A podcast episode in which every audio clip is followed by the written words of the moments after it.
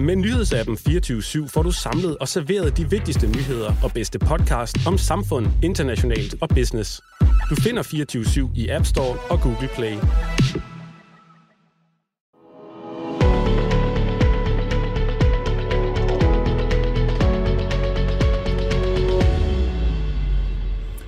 Velkommen til Aktieskolen på Euroinvestor.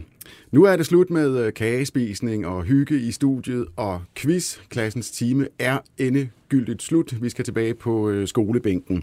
Nu har vi jo sådan set fået den øh, helt basale viden på plads. Vi har fået alle begreberne på plads. Nu skal vi til det sådan mere alvorlige, fordi nu skal vi sammensætte alt det, vi har bygget op af viden indtil videre, til sådan en egentlig strategi. Så nu, det er nu, det gælder, det er nu, vi går i gang. Og her i aktieskolen, jeg skal lige sige, der er altså 117 forskellige strategier og måder at tilgå aktiemarkedet på. Men her på aktieskolen, vi har valgt to af sådan de mest øh, klassiske, sådan de største mainstream øh, stilarter eller strategier på aktiemarkedet. Det er, den ene, det er value strategi, value investering, og den anden, det er vækststrategi. Og i den her fokusation, vi deler den op i to. I den her lektion, der er det kun øh, value, vi øh, fokuserer på. Og med det, så kan jeg byde velkommen til øh, mine to gæster, som vel egentlig også øh, på hver deres felt, vil jeg godt sige, repræsenterer nogle klassiske dyder og rummer hver især en stor øh, intellektuel kapacitet. Fra TV2, vært på News, Gertrud Højlund, velkommen til. Jo, tak skal du have. Og fra Mainvest, den nok mest inkarnerede repræsentant for global value-investering i Danmark, Kurt Kara. Øhm, Kurt, lige om lidt, så skal du få lov til at holde et, øh, et, et, et lille foredrag. Øh, og så skal, okay. Gert, så skal Gertrud nok hjælpe mig med at holde dig øh, på plads. Det er fint. Jeg ved, det er godt. gang, så sker der ting. Jeg har ikke en stopknap. Nej, det har man ikke, men, men det har vi i dag. Det, det er godt. Gertrud Højlund. Ja, det er fornemt. To værter til at styre Kurt Karre. øh, men allerførst, øh, Gertrud, øh, du er investor. Ja, det øh, lyder Hvordan, sådan altså meget, men øh, altså, jeg, jeg har investeret... Øh, i 8 år nu, siden 13. Jeg sad lige og tjekkede mine fondsnota-papirer og kunne se, at øh, jeg købte øh, mig ind første gang i Skagen Kontiki i øh, 2013, og, og siden da har jeg sådan lidt efter lidt bygget, bygget lidt op. Når jeg sådan lige havde lidt ekstra penge, når der blev udbetalt, hvad ved jeg, nogle feriepenge, man ikke lige havde brug for, eller hvad der nu sådan lige kom af ekstra ting, og jeg sådan synes, jeg kunne undvære dem, så har jeg øh, købt små bidder hister her i, øh, i aktier, men særligt i, øh, i fonde. Mm. Ja, Skagen sige, det er jo også en investeringsforening, og det er en kapitalforvalter. Mm. Ligesom ja. Invest eller mm. Dansk Invest. Ja. Men jeg glæder mig til at snakke med Kurt, for jeg har faktisk lidt penge i, øh, okay. i Invest. ja, det, det, ja. det, det, i høj grad også Kurt. Der det er så en kærlig snak eller en kærlig snak? Det, jeg ved, det, det, det finder vi ud af. Jeg har lige nogle spørgsmål, Kurt. ja, ja, lige præcis. men, men, du, men du køber også enkelte aktier og investerer i ja. enkelte aktier. Og, og hvad, hvad er din tanke omkring det? Hvad, hvad er processen? Altså, det er med samme øh, store ekspertise, som når jeg vælger vin hvor jeg meget kigger på etiketten og ser, hvad jeg synes om den, og hvor mange procent der er i seriøst, Simon. Jeg ved virkelig ikke ret meget om det. Det er også derfor, jeg køber ikke ret mange enkelte aktier. Jeg har øh, måske mm, ja, en håndfuld, 6-7 øh, sådan separate aktier. Øh, det, de fleste i øh, fra, fra det danske 25 øh, indeks, øh, som, øh, som er ligesom virksomheder, jeg tænker, de forsvinder vel ikke sådan fra den ene dag til den anden. Og så har jeg en, en enkelt interessant nordmand, som øh, jeg købte, fordi jeg snakkede med en nordmand, der arbejdede der, han var virkelig pæn. Og jeg synes, det lyder også som en god idé, det de havde gang i. Så, og det har det også sådan økonomisk vist sig været på, øh, på nuværende tidspunkt. Så, så, så det er også derfor, jeg ikke køber så stort op i enkelte aktier, fordi jeg ved, at det er jo simpelthen en, en, en kunst og en stor faglighed, der ligger bag at følge med i den slags ting. Så øh, det leger andre om. Og det var faktisk præcis øh, den tilgang, som vi talte om i et tidligere afsnit af Aktieskolen, at det, det er den helt rigtige måde at gøre det på, hvis man gerne vil forsøge sig på egen hånd. Men kunne du godt tænke dig at bruge mere tid på det, altså have flere enkelte aktier, måske tage en større risici på den måde? Jeg ved det ikke rigtigt. Altså sådan i perioder, øh, så, så har jeg interesseret mig meget for det. Altså da, da Radio 24 begyndte at sende øh, Millionærklubben, der var jeg ret vild med det, og synes at det var vældig interessant at høre, hvordan de sad og snakkede om tingene, og hvordan de havde forskellige strategier. Nogen, der kiggede meget på det tekniske, og jeg sad og tænkte, okay, sådan Golden Cross, eller hvad det hedder. Det kunne være spændende. Eller, hvor- jeg kan ikke huske de der begreber. Øhm, men også sådan, øh, høre sådan en Lav Svendsen-type, der sådan er helt nede i, i underbukserne på direktøren, for at se, om, om hvad, hvad der foregår sådan i, i, i en virksomhed. Ikke? Men, men hvor jeg tror jeg også igennem de programmer, jeg har hørt øh, derover mange år, sådan, har virkelig fået stor respekt for den kæmpe store faglighed, der ligesom ligger i det. Og jeg vil sige, jeg vil gerne bruge min tid på alle mulige andre ting. Jeg har et andet arbejde, jeg gerne vil passe, øh, og, øh, og, og alle mulige andre ting. Så jo mindre, og det er også min erfaring med rent faktisk de investeringer, investeringer jeg laver, jo mindre jeg kigger på det, jo mindre tid jeg bruger på det, jo mindre jeg kommer i tanke om, måske kunne jeg også sælge noget af det, øh, des bedre er det. Fordi det- langt hen ad vejen, i det omfang, jeg har solgt noget, så sidder jeg her nogle år senere og tænker, det skulle jeg da beholdt. Mm. Altså, jeg solgte en gang Vestas aktier i kurs 225. Det ville så have været en god forretning, hvis... Ja, nej, 170 tror jeg faktisk, jeg solgte dem i. Ja, Det skulle jeg nu kan jeg dårligt huske, hvad den ligger. Ja, nu er den lige blevet splittet. Den er lige splittet, men øh, den, øh, den splittede fra 1300 eller sådan noget, tror jeg, 1200. Ja. Øhm, og det er jo aktieskolen, så jeg oversætter lige noget af det, du har sagt. Golden Cross, så er vi inde i noget, der hedder teknisk analyse. Det er en af de 117 forskellige måder, man kan tilgå aktiemarkedet på, og det er ikke noget, vi bruger tid på lige i øh, aktieskolen. Nej, jeg ved heller ikke, hvad det er, så det er Nej, også fint. vi, springer den også lige over. Hvis det er, så øh, du kan jo øh, bare blive ved med at lytte til Millionærklubben. altså, vi sender fra aktieskolen. Jørgen øh, hver dag fra 9 til 10. Den skal vi lige have, have med. Øhm, men øh, Kurt, ja, bare lige først, øh, bare lige din sådan, bare lige ekspertkommentar her til, til, Ja, men, til, til øh, Gertrud. Jamen altså, jeg synes, Gertrud øh, har gjort det rigtige, fordi du har skilt dig af med dine penge. Fordi penge er født med en sygdom, der hedder, at penge bliver mindre værd på sigt. Der findes et ord for den sygdom, den hedder inflation. Vi har ikke haft den i meget lang tid, men nu er den begyndt at vise sig igen. Øh, på vej herover så jeg en shawarma-ret. Den var steget til 108 kroner nede på Købmagergade. Øh, og det er ikke unormalt, fordi længere nede på strøget, der koster den 99 kroner. Og det er ikke så lang tid siden, den kostede 65. Da jeg tankede op i går, betalte jeg en del mere, end jeg plejer at gøre. Boligpriserne stiger. Og alt det her, det sker jo, fordi der er de her pengesedler, som vi får udbetalt som løn, de bliver altså styret af en central enhed i alle lande. Det er centralbankerne, og de pumper penge ud lige nu. Så man skal sådan set beskytte det arbejde, man har sparet op, fordi de penge, man har, den opsparing, man har, hvis man tænker lidt over det, så er det opsparet arbejdskraft. Og hvis ikke man beskytter den, så er der nogen, der kan tage den fra dig. Og det er som regel staten, der gør det. Det, man, kan Gennem- også bare, man kan også bare bruge dem. Ja, man kan også bare bruge den, men så har du i det mindste, så er det dig, der har brugt din egen arbejdskraft. Og så skal man ikke høre aktieskolen.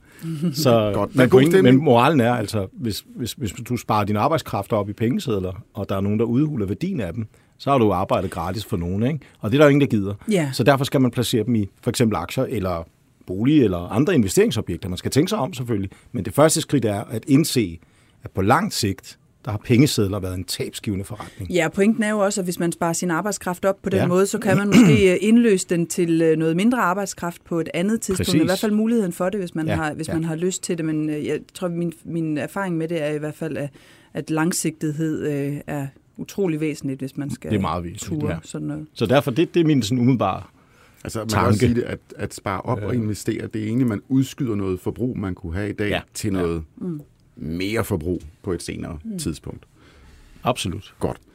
Øhm, nu skal vi til det. Value-investering. Ja. Øh, men jeg vil godt, altså, kan du lige prøve at introducere øh, dig selv, og måske især øh, din value-fond? Jeg tænker bare lige mm, Ja, lidt, nå, ja, lidt, lidt ganske mål, hvor, kort, hvor, ja. hvor, hvor, stor, øh, hvor mange penge Ja. er det, I forvalter? Øh, Ja, vi er jo vokset fra ingenting i 2004. Jeg, jeg kommer fra MindVest, som jeg var med til at starte op sammen med, med kernen af MindVest dengang. Øhm, og, øhm, og i dag der er vi jo så omkring 100 mennesker, og øhm, jeg arbejder så til dagligdags med, med Jeppe Christiansen, som er vores direktør, og, og Henrik, som er vores vicedirektør. Men, øh, men i det helt tætte team, der er det jo mig og Ulla Jensen og Rasmus Kvist Pedersen. Vi er ligesom value-teamet derinde. Det er også det, ligesom har bygget den del op, kan man sige. Ikke? Og vi øh, forvalter i dag omkring øh, 80 milliarder kroner. Øhm, vi, jeg tror ikke, vi havde, vi havde vel ikke... Altså, det er så samlet set, går jeg ud fra. Nej, det er value. Det er vores strategi. Altså, Alle vores kunder din Den, investeringsstrategi? den strategi, der hedder Value i dag, er 80 milliarder kroner stor. Ja. Så når man køber sig ind i My Invest Value, Ja. ja. som jeg har gjort på et eller andet tidspunkt, Ja. så bliver man en, så lægger En- man så er du en del af de lille 80. dråbe Ja. i et hav på 80 Ja, milliarder men, men de kroner. 80 er så en lille bitte dråbe i et kæmpe hav, der hedder det globale aktiemarked. Klart, så, klart. så man kan sige, man, på den måde er vi jo en, en, vi er stadig, selvom det lyder som, et- det er et stort tal. I Danmark er det jo et eller andet, du kan bygge otte store hospitaler eller sådan noget, ikke? men i verdensmarkedet er det jo, der er vi en lille fisk, mm. kan man sige. Ikke? Øhm, Og inden, inden vi, altså du, får, du skal nok få lov til at fortælle op, Ja, hvordan, hvordan du sådan tolker, altså hvordan value-strategien udmyndter sig hos Ja. MyInvest Value, Ja. men som, øh, som begreb, som stilart, Ja. hvor starter vi henne i øh, børshistorien? Og, hvad, Øh. og hvad er det? altså, hvis man skulle være fræk, så kan man sige, at vi starter helt tilbage til Babylons tid. Okay. Fordi der var engang sikkert en eller anden mand, der fandt ud af, at hvis han talte, hvor mange krukker der var i en konkurrerende krukkevirksomhed, øh, og gangede prisen på en krukke på, så kunne han regne ud, hvad varelageret var værd. Og hvis han så kunne købe den her virksomhed for den halve pris af det, han havde regnet ud, var- varelageret var værd, så var det nok en god investering. Så han ligesom tænkte, "Nå, men det må jeg hellere byde. Og hvis han fik det, så havde han lavet verdenshistoriens første value-investering. Øh, men den, der ligesom fældede det princip ned, at man køber ting til noget, som er markant under det, som man ligesom kan regne hjem. Øh, han hed Benjamin Grossbaum og var øh, jødisk flygtning og immigrant i USA, og måtte faktisk ændre sit navn til Benjamin Graham på grund af antisemitisme. Ej, jeg skulle til at sige, ham har jeg ikke hørt. Nej, han, han hed faktisk Grossbaum, men, men det okay. var simpelthen så svært for jøder at komme ind i finanssektoren i, i 20'erne i USA. Antisemitisme var udbredt i hele verden. Øh, Det desværre er det jo stadigvæk en sygdom, der findes. Øhm, og øh, essensen af det var, at Ben Graham, som han så valgte at kalde sig, han, øh, han investerede, og, øh, og han var dygtig. Øhm, men, men vi fik noget, der hed 1929-krakket. Og der tabte rigtig mange investorer mange penge. Øh, og han besluttede sig for, om man kunne etablere en metode, der kunne beskytte investorerne mod permanent kapitaltab.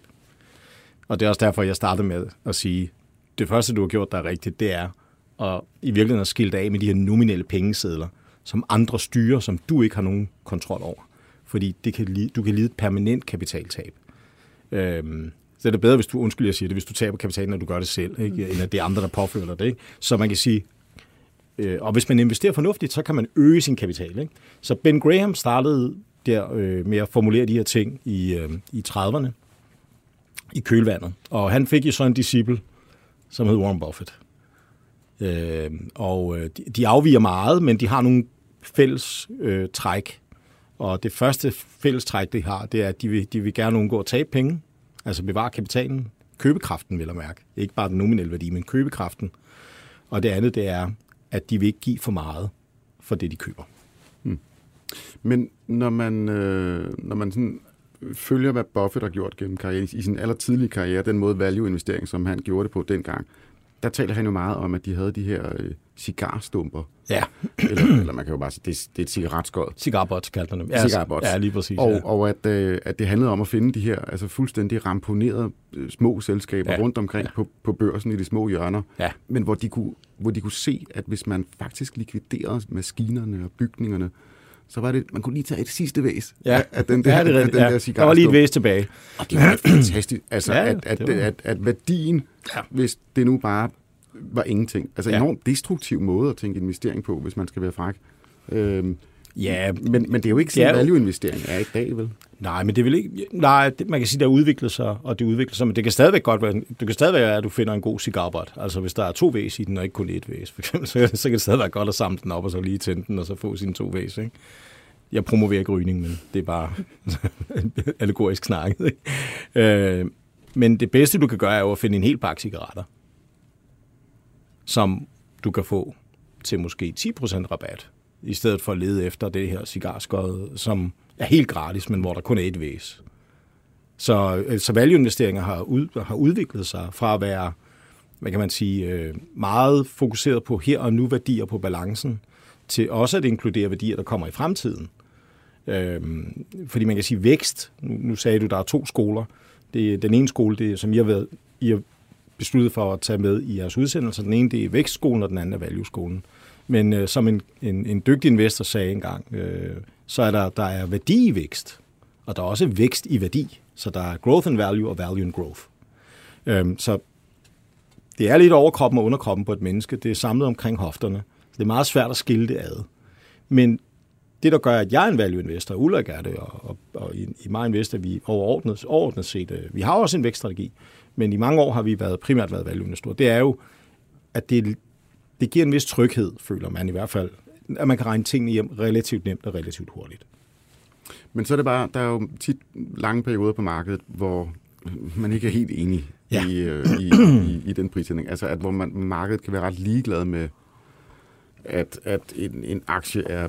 Altså nu, nej, hvor du hvad, omvendt. Start lige med at forklare, hvad du konkret gør. Altså, ja.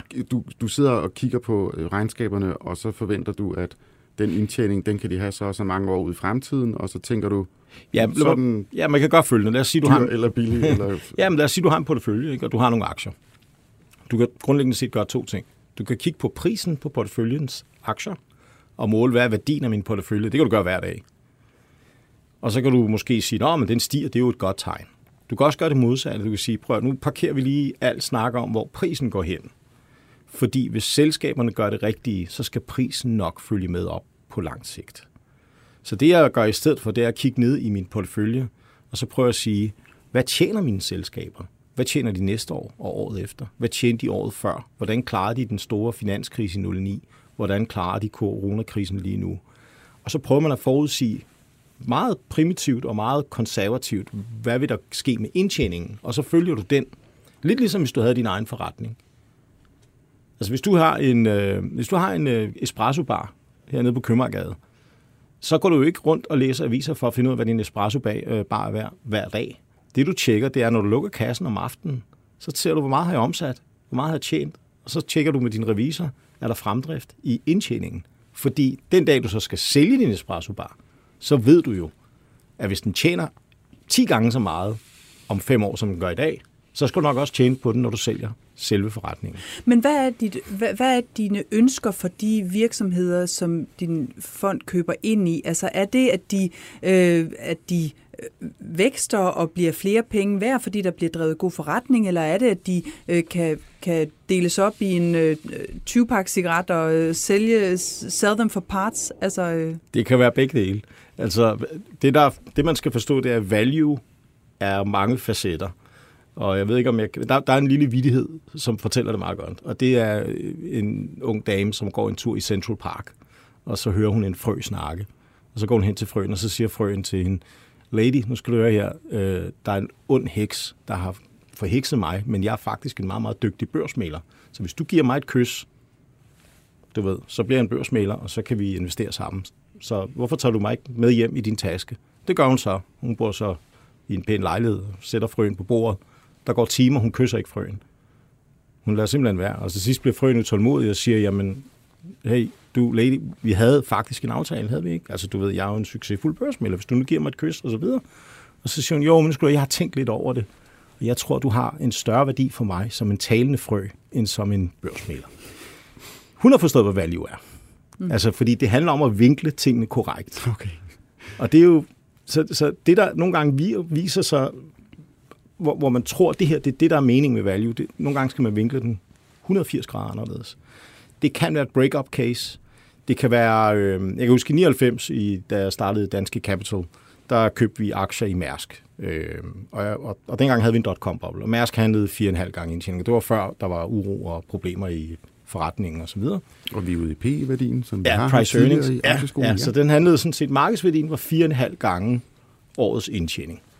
Og jeg kan huske, jeg havde en kollega, som sagde, Kurt, hvorfor kører du den der? Det er jo fuldstændig... Altså, der er jo internet, og verden ændrer sig. Så sagde jeg, ja. Men den handler til 4,5 års indtjening, og Danmark var besat af Nazi-Tyskland i fem år, og det overlevede de. Så må ikke de overlever det her. Og det, og, og, så det var value-casen. Det var, ja, den er priset som om, at tingene går helvedes til om 4,5 år. Men de har altså de har overlevet en besættelsesmagt, som tog vores land – hårdt og brutalt i fem år, indtil de blev smidt ud. Så må ikke også, de kan klare noget, der hedder internettet.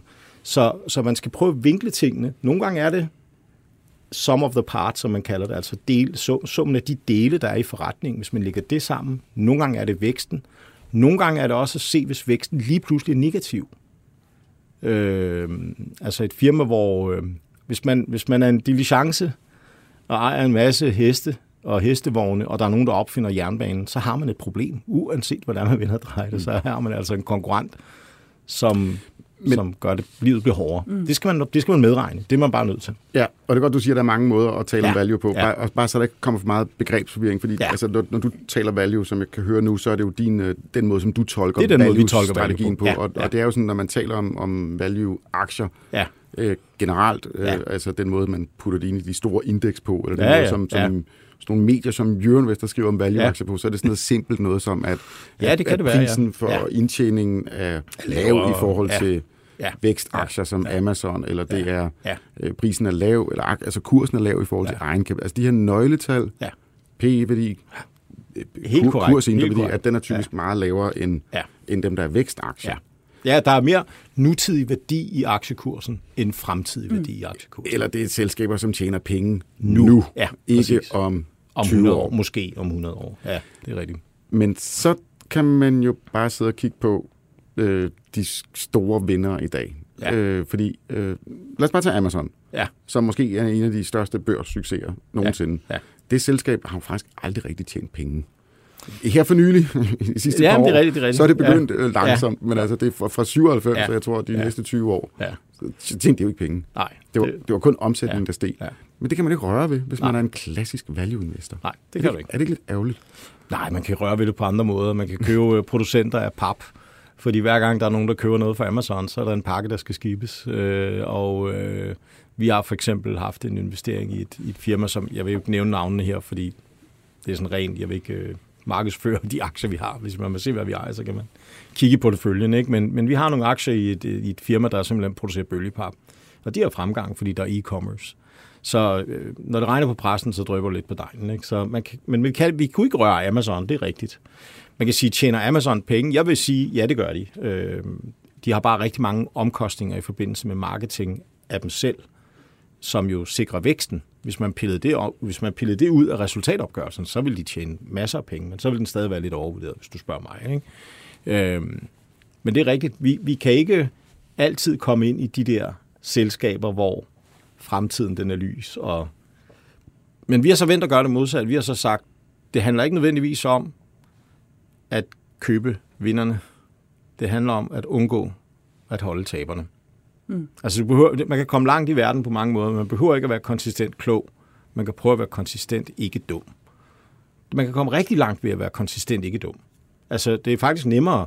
Altså, hvis min datter spørger mig, far, hvad skal jeg gøre for at have et godt liv? Så kan jeg jo sige til hende, at du skal dyrke yoga, du skal gå op og møde nogle buddhister op i bjergene, og så skal du rejse rundt i hele... Jeg kan, jeg kan skrive fem bøger om det. Jeg kan også gøre, som den gode Moses sagde, lad være med at lyve, lad være med at stjæle, lad være med at, øh, du ved, det ene eller det andet. Det er essensen af, lad være med at gøre dumme ting, så skal residualen nok være god. Det Hvor- kan man også gøre, når man investerer. Hvor ofte køber og sælger I øh, aktier? Øhm, I gennemsnit holder vi en aktie i tre år. Men vi har aktier, vi har holdt i 15 år, og så har vi nogle, hvor man køber dem, og så finder man ud af, at det var en fejl. Og lad mig lige starte med at sige, at altså, vi, vi, vi begår lige så mange fejl, som menneskene ude på gaden gør. Altså, der er ikke, vi er jo ikke profeter, der kan se ind i fremtiden på den måde. Jeg tror, der, hvor vi kan, lave en for, hvor vi kan gøre en forskel, det er netop, som, som du pointerer, Simon, det er, du kan sætte en strategi for, hvornår du køber, og hvornår du sælger. Jeg, jeg, jeg har ikke en IQ, der er højere end jeres. Jeg har heller ikke information, der er bedre end jeres. Jeg har de samme, vi har samme adgang til internet osv. Men du bruger meget tid på det. Jeg bruger tid på det. Det er også et valg, jeg har foretaget mig. Altså, jeg synes ikke rigtigt, du svarede på Gertruds spørgsmål. Om, øh, nå, nu bliver jeg grillet, kan jeg hvor, hvor, hvor ofte køber altså, hvor, Jamen, hvor, jeg, jeg, hvor tre, jamen, vi er holder dem i tre år, ikke? så man Okay. kan sige... Det Men er køber jo... I noget hver dag? Nej, nej, nej, nej, nej, nej, det gør vi ikke. Nej. Hvad, hvad laver du så resten? Jamen, der, jamen, der sidder vi netop og så tænker jeg, skal jeg? og- Ej, det skal jeg ikke. Ej, det skal jeg ikke. Nej, nej, jamen, du, jamen spørg endelig løs, det er ja. ja. Nej. Jamen, vi sidder og spiller øh, dart og sådan noget. Ja, Nej. Nej. venter. Ja, vi sidder og venter. Jamen altså, prøv at at investere er jo en tålmodighedens kunst, og det er, som du siger, jamen, I, I øver jer. I bruger jo tid på det. Øve sig betyder ikke, at man sælger og køber. Det betyder, at man læser litteratur om emnet, man læser nogle årsregnskaber, man prøver at finde ud af, hvad gjorde andre store investorer rigtigt? Altså, man kan lære meget af, af at stå på giganternes øh, skuldre, og så kan, så kan man se længere. Så man behøver ikke opfinde øh, den, altså det dybe, den dybe tallerken eller, eller hjulet igen. Jeg, jeg startede jo også med at læse øh, Berkshire Hathaways øh, regnskaber, og, altså, så man kan sige, Som, I, i princippet er vi jo... Buffets som er Buffets investering. Ja. Så i princippet kan man sige, der ligger jo masser af guld der. Og, og hvis folk vil bruge tiden på det her, så vil jeg sige, det, det er et rigtig godt udgangspunkt. Jeg plejer, jeg plejer at sige, hvorfor bruger man to uger på at finde den rigtige printer til den rigtige pris i Elgiganten, eller hvor man nu handler elektronik, og så bruger man kun to timer på det rigtige boliglån, som er tusind gange større end printerens pris. Og på samme måde, når man nu har lavet en opsparing, så kan man lige så godt bruge noget tid på at sætte sig ind i, hvordan skal jeg forvalte de her penge? Hvordan skal jeg investere de her penge? Og det er det, vi, det, er det, vi bruger tiden på. Vi, vi bruger simpelthen tiden på at finde ud af, kan vi blive bedre? Fordi det kan man. Øhm, hvilke fejl har vi lavet? Kan vi lære vores fejl? Øhm, er der skrevet noget god litteratur for nyligt om nogle bestemte emner? Og så læser vi selvfølgelig årsregnskaber og leder hele tiden efter nye selskaber. Den, der vender flest sten, er den, der tjener flest penge. Det er simpelthen at lede, løft stenen, se, er der noget der? Hov, der var en lille guldklump der. Hov, der var lidt sølv der. Det, det, er, det, man, det er det, man bruger tiden på. Øhm, der, er, der, der er en eller anden, nu siger jeg det meget åbent her, der er en eller anden idé om, at en god fondmanager, det er sådan en sort, mørk øh, troldkal, som besidder særlige egenskaber, og så kan han ligesom som Gandalf lige løfte sin stav eller et eller andet, og så vinder vi over alt det der. Ikke? Det er ikke sådan, altså det er bare hårdt arbejde. Og, og, og alle kan, hvis de arbejder hårdt nok øh, og længe nok, øh, opøve talentet. Hmm. Altså, det, det er egentlig et godt spørgsmål, fordi det der med, at altså, når man er langsigtet value investor, så handler det om at Ja, man laver selvfølgelig noget forarbejde for at få øh, selskaberne ind i porteføljen, men så skal man jo bare sidde og vente. Ja, det er lidt. Der var en value investor, der sagde, value investeringer, det er cirka lige så spændende som at se græs gro. Men du aner ikke, hvor hurtigt græs reelt gror. Mm. altså, det gror meget hurtigere, end man tror. Så det er rigtigt nok, at i udgangspunktet, det der med at sidde og vente, så det op, ikke? Men den ventetid bruger man så på. Og vende nye sten. Ja, vende nye sten og bevæbne sig med, med viden. Fordi der sker jo hele tiden noget i verden. Mm. At være en value investor er jo ikke, at man bare køber billige aktier på price earning, og så siger man bare, det går nok. For eksempel, diligencen ville være billig på price earnings, ikke? da man opfandt jernbanen. Ikke? Eller da internettet kom, var der jo rigtig mange af de store avis, aviser, øh, som også var meget billige. Men det var jo et problem i en lang periode for aviserne, før de fik omstillet sig. Prøv at tænke på tv-stationer i dag. I en tid, hvor de unge vokser op, og også, altså også mig, jeg er jo 49, jeg, jeg, bor, jeg har ikke, jeg har ikke tv-stationer dem. Jeg har, jeg har Apple TV+, Plus, jeg har Netflix, jeg har alle de her streamingtjenester. Det er nutidens tv-stationer. Hmm. Betyder TV2, det, TV2 Play. TV2 Play er også en... Har jeg den har jeg faktisk, det skal jeg nævne her. Ja, men godt. Jamen, jeg, har, jeg har faktisk, fordi nu, Simon har jeg set flere gange på TV2 Play, jo, ikke? Mm. og der skal man jo, man skal jo, og det er jo, det er jo det, hvis du har noget content, så kan du få folk, så kan du få folk ind som kunde, ikke? I gamle dage havde man ikke det valg. Men min pointe er lidt her, en lav PE er i sig selv ikke nok. Det kan, en, altså en billig virksomhed? En billig virksomhed kan være billig, fordi den skal være billig. Mm-hmm. Men som value investor betyder det ikke, at man køber alt, hvad der er billigt. Jeg plejer at sige, det svarer til at handle ind. Hvis du nu tager og går i Netto eller Menu, eller hvor du går ind, og så hvis nu køber alt, der er billigt, så kommer du hjem med fem poser, og der, det er fyldt med billige ting. Og så finder du, at du kan ikke bruge noget af det. Du har egentlig ikke brug for det. Men det er billigt. Det er bedre at gøre, som min, min mor altid har gjort. Ikke? Hun har en indkøbsliste. Så går hun ud, og så ser hun, om der er rabat på noget af det, hun vil have.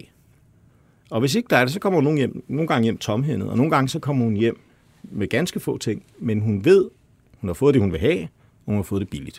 Og sådan en indkøbsliste, handler det så om for dig at, at sikre, at der er en, en spredning, så I er i flere forskellige sektorer, eller hvad er det, hvad, hvad, altså, hvad er det, så du ikke bare kun kommer hjem med noget super billigt toiletpapir? altså, jeg, jeg vil advare mod det, der hedder Noras Arks investeringsskole, ikke? hvor man tror, at hvis man bare tager et par af alle slags dyr og smider ind i arken, så går det nok, når herrens vrede kommer. Mm. Sådan fungerer aktiemarkedet ikke. Du kan have 1000 aktier og stadigvæk miste det hele, hvis aktiemarkedet kollapser. Ikke? Det, man, kan, man skal så nok heller ikke kun have én aktie. altså. men, men, men jeg vil sige, at hvis man har mere end 25 selskaber, så er man veldiversificeret, som det hedder. Hvis man har mere end 25, så bliver man det, der hedder veldiversificeret. Det vil sige, at dit afkast bliver værre. Du udvander. Du kan, du kan ikke følge med i 200 selskaber som enkelt person. Det er simpelthen umuligt. Altså, prøv at forestille dig, at 200 unger, du skulle holde styr på. Ikke? En af nogen kan være svær i sig selv. Ikke? 200? Det, altså, og det er jo sådan, det er. Så hvor mange har I? Vi har 25-35. Mm. Og det er, det er ligesom det, vi har holdt. Ikke? Jeg skal måske lige sige, det, det, er jo sådan en, det er jo sådan en, det er jo sådan en religion nærmest blandt kapitalforvaltere. Fordi ja, ja. der er nogen, der ja. synes, det er vanvittigt. Altså, du kan jo ikke sprede din risiko, hvis du hvis du har så få aktier. Man skal have mange flere. Øh, og så siger du, jamen, det er noget sludder, fordi jeg har fuldstændig styr på de 25-35 aktier, jeg har i min hvis, hvis du køber en 100 del af 100 dødssyge køer, så er det det samme som at have en dødssyg ko. Mm. Så er det bedre at have 10 sunde køer i stedet for en 100 del af 100 dødssyge. Altså, du diversificerer jo ikke sygdommen væk, de skal, de er alle sammen dødssyge. Ikke? Mm. Så det er bedre at have en god bestand, som måske er lidt mindre end en stor bestand af kvæg, som er dødssyg. Mm. Så, så diversifikation i sig selv er ikke en garanti for, at risikoen forsvinder. Det er vigtigt, at man forstår det. Jeg skal lige vende tilbage men til det, det, men det, med... det er et godt udgangspunkt. Dog. Ja. Altså, det er en god idé at sige, at jeg vil have mere end et selskab. Mm. Og, og, og jeg tror også, det er en god idé at have mere end 20. Mm. Men, men, men øh, man skal lige forstå den korrekt. Det i sig selv giver det ikke en lavere risiko. Godt. Jeg skal lige vende tilbage til det her med, hvornår et selskab er billigt, og hvorfor Ja. det eventuelt er billigt. Fordi det er sådan set, altså, jeg, jeg, jeg kan godt lide grundtanken i value-investering, fordi det er så simpelt.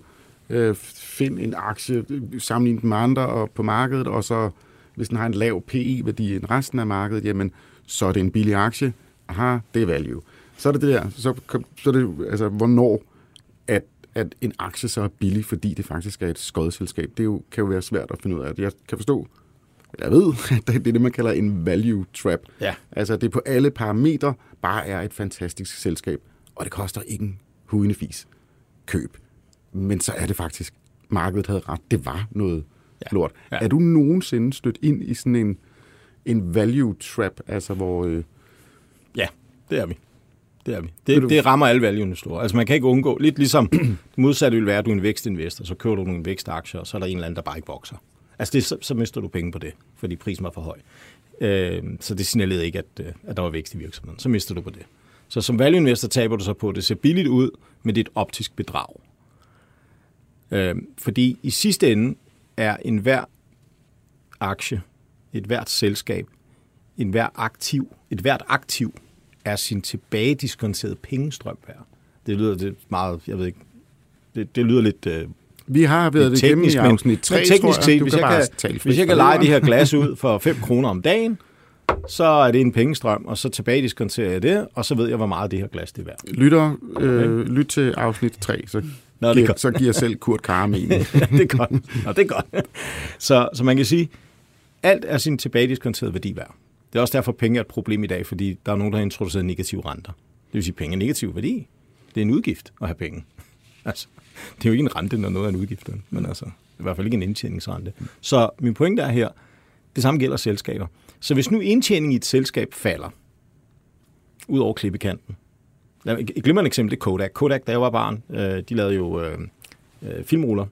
Og jeg kan huske, hver gang min mor og jeg vi tog på ferie, så var det Kodak-kamera, og så skulle man tage de her billeder for evigt i øjeblikket. Og så var der lige pludselig nogen, der begyndte at opfinde noget, der hed digitalt billede. Og det fandt Kodak ikke ud af. Så det, det sejlede for Kodak. Så hvad sker der i sådan en situation? Det, der sker, det er, at deres omsætning falder, og deres indtjening falder.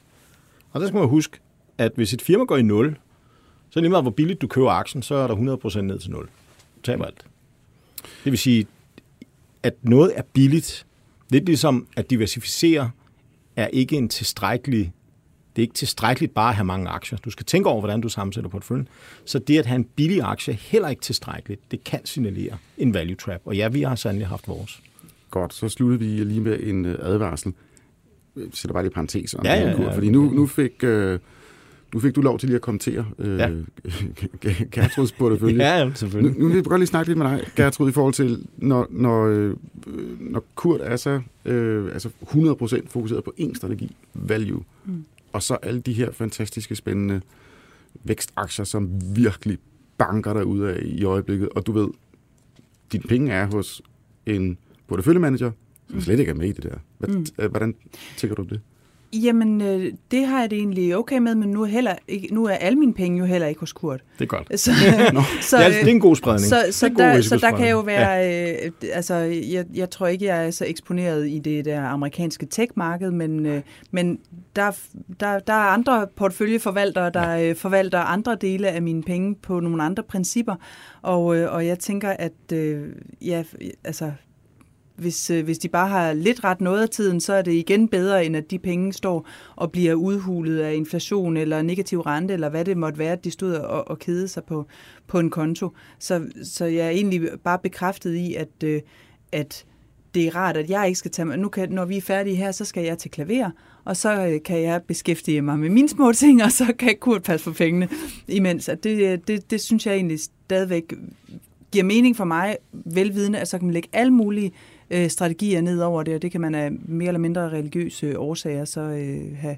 ja, have valgt sig. Ja, det er jo en meget pragmatisk tilgang. Altså, personligt synes jeg, det, det giver rigtig god mening, ikke? fordi der er historien om manden, der, hvor de spurgte ham, er du, er du kristen, muslim eller jøde? Som jeg er det hele. Og så siger man, Hvor, hvorfor er du det? Det kan man da ikke. Jo men jeg, jeg vil da ikke risikere at ryge i helvede på grund af en teknikalitet.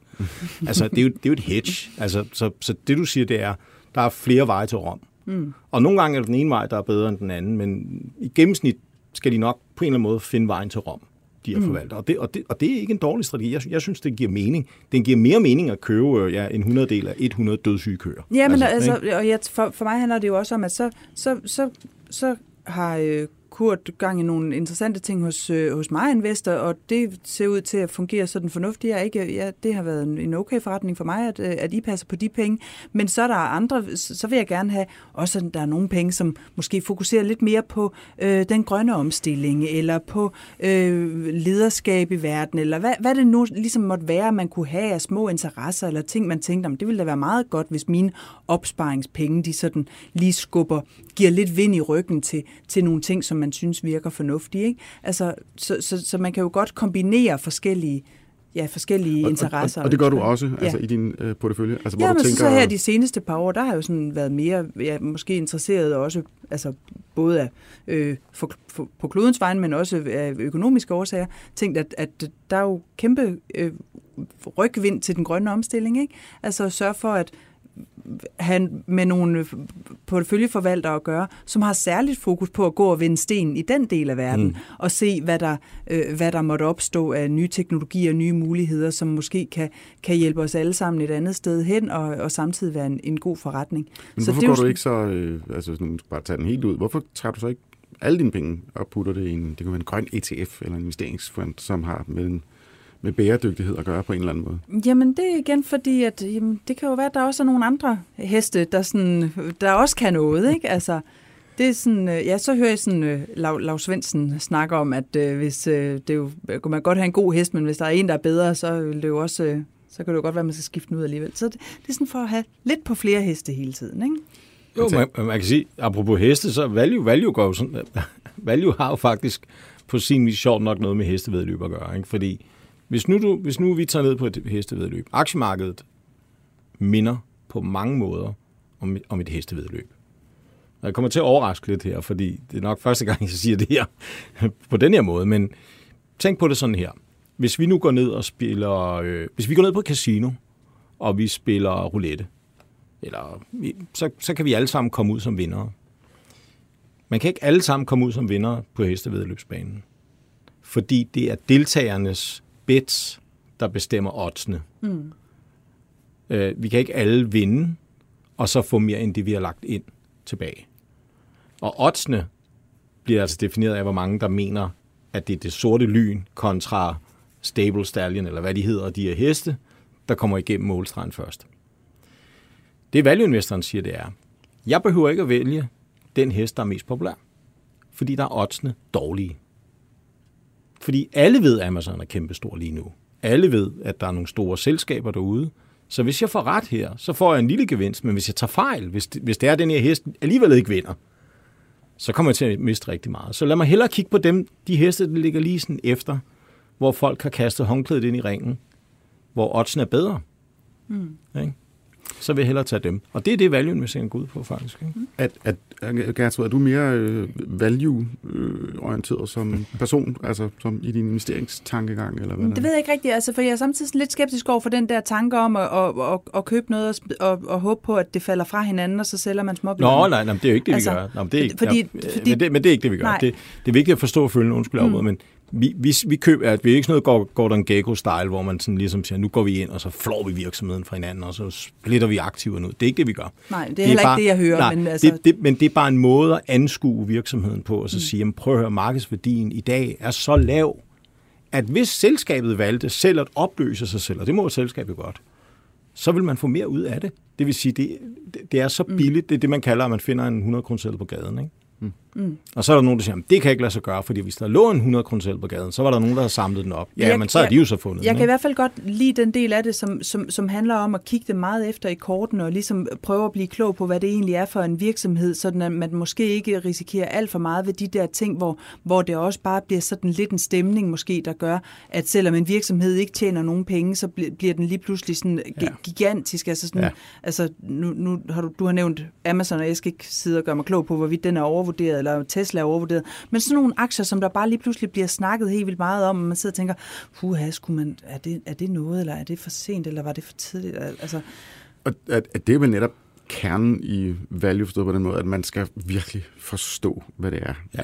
man investerer i. Altså Ja. helt ned i ja. forretningsmodellen. ja. og- Og så det, det er et rigtig godt ord, du bruger, nemlig ordet stemning. Fordi mm. nogle gange er det sådan, at stemningen tager overhånd på aktiemarkedet.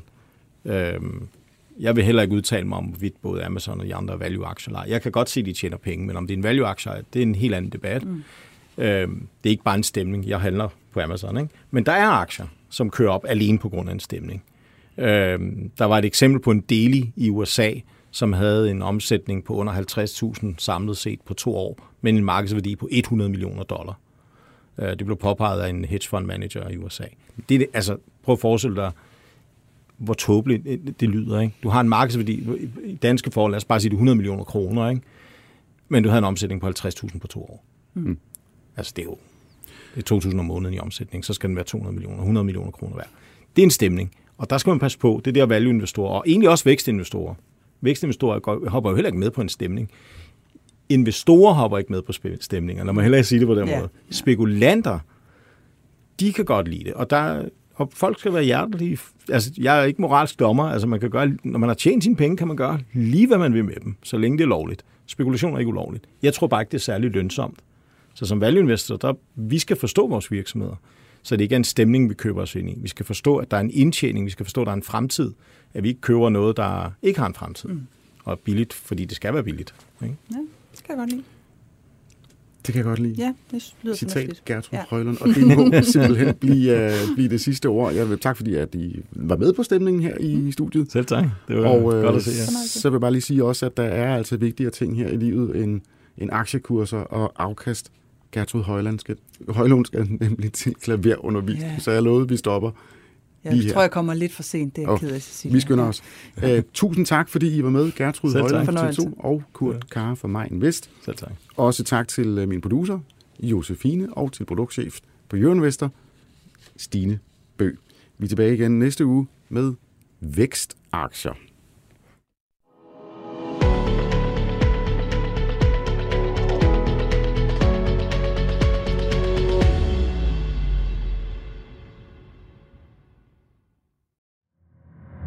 Med 24-7 kan du gøre nyhederne til dine nyheder.